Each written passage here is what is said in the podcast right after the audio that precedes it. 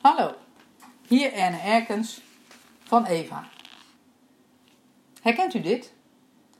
Vroeger werd, werd u elke ochtend gebeld door uw vaste contactpersoon bij een bank met een samenvatting van de ontwikkelingen op de financiële markten en de gevolgen daarvoor voor de valutekoersen waar u in geïnteresseerd was. Wat was er gisteren en vannacht gebeurd? Wat staat er vandaag op de agenda?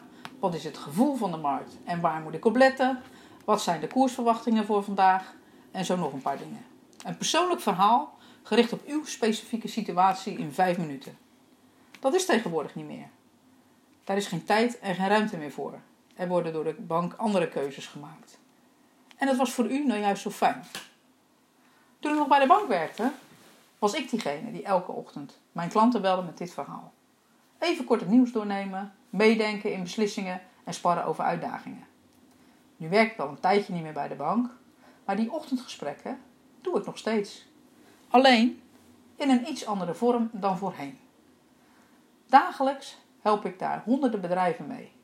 Zo kunnen ze slim omgaan met valutarisico's, kunnen kijken of ze grotere marges kunnen halen en minder risico lopen. En daardoor geld te besparen. Dus, lijkt dit u wat? Bel of mail me dan. Dan gaan we kijken hoe we de samenwerking met elkaar vorm kunnen geven. Alvast bedankt voor uw reactie. En ik kijk uit naar de 5 tot 10 minuten gesprekken die wij gaan hebben, maar dan in een iets andere vorm. Maar waarbij wel uw belang gediend is. Tot snel en bedankt voor het luisteren.